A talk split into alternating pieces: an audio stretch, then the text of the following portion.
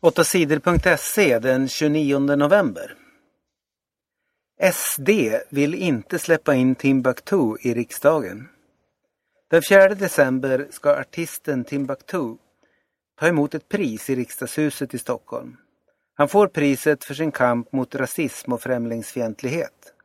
Men partiet Sverigedemokraterna protesterar mot att Timbuktu ska få komma och ta emot priset i riksdagshuset.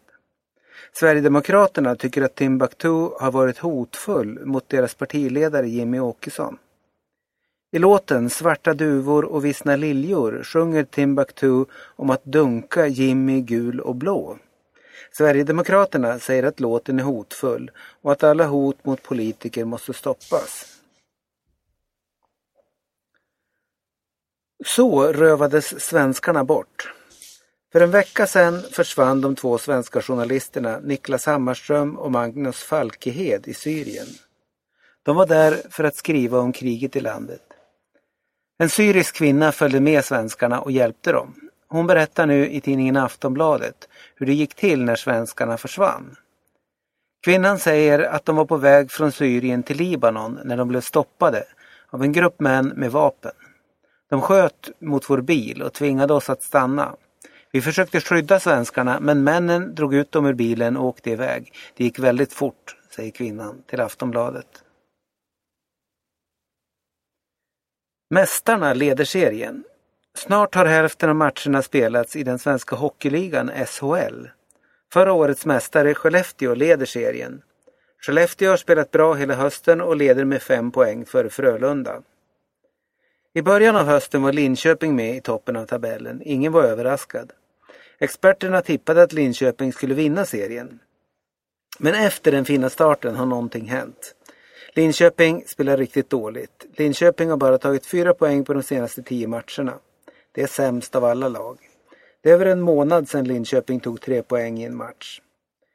Nu ligger Linköping i botten av serien. Laget har fyra poäng mer än Örebro som ligger sist. På torsdagskvällen blev det en ny förlust för Linköping. Laget förlorade hemmamatchen mot Frölunda med 3-4. Inte farligt att åka till Bangkok. Det har varit stora demonstrationer i Thailands huvudstad Bangkok de senaste veckorna. Demonstranterna kallas gulskjortor. De vill tvinga Thailands lagliga regering att sluta. Demonstrationerna är stora. På en del ställen har det blivit bråk. Men det är inte farligt att åka till Bangkok, det säger experterna på det svenska utrikesdepartementet. Demonstrationerna har varit lugna, de har inte, de har inte varit våldsamma, säger Camilla Åkesson Lindblom på utrikesdepartementet.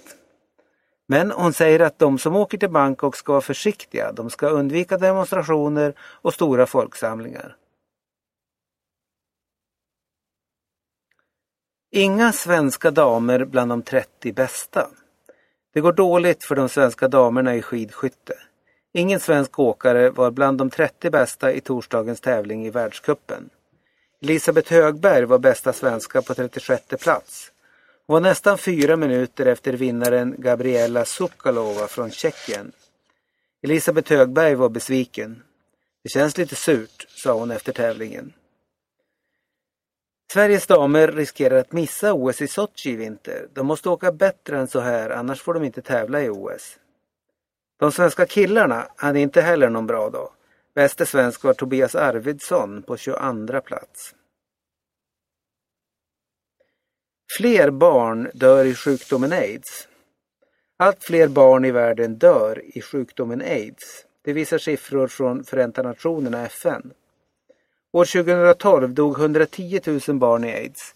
Det är 40 000 fler än år 2005. Men det är idag färre barn som smittas av HIV-viruset när de föds. Det beror på att fler HIV-smittade mammor får medicin mot viruset. Då skyddas barnen bättre mot smittan när de föds.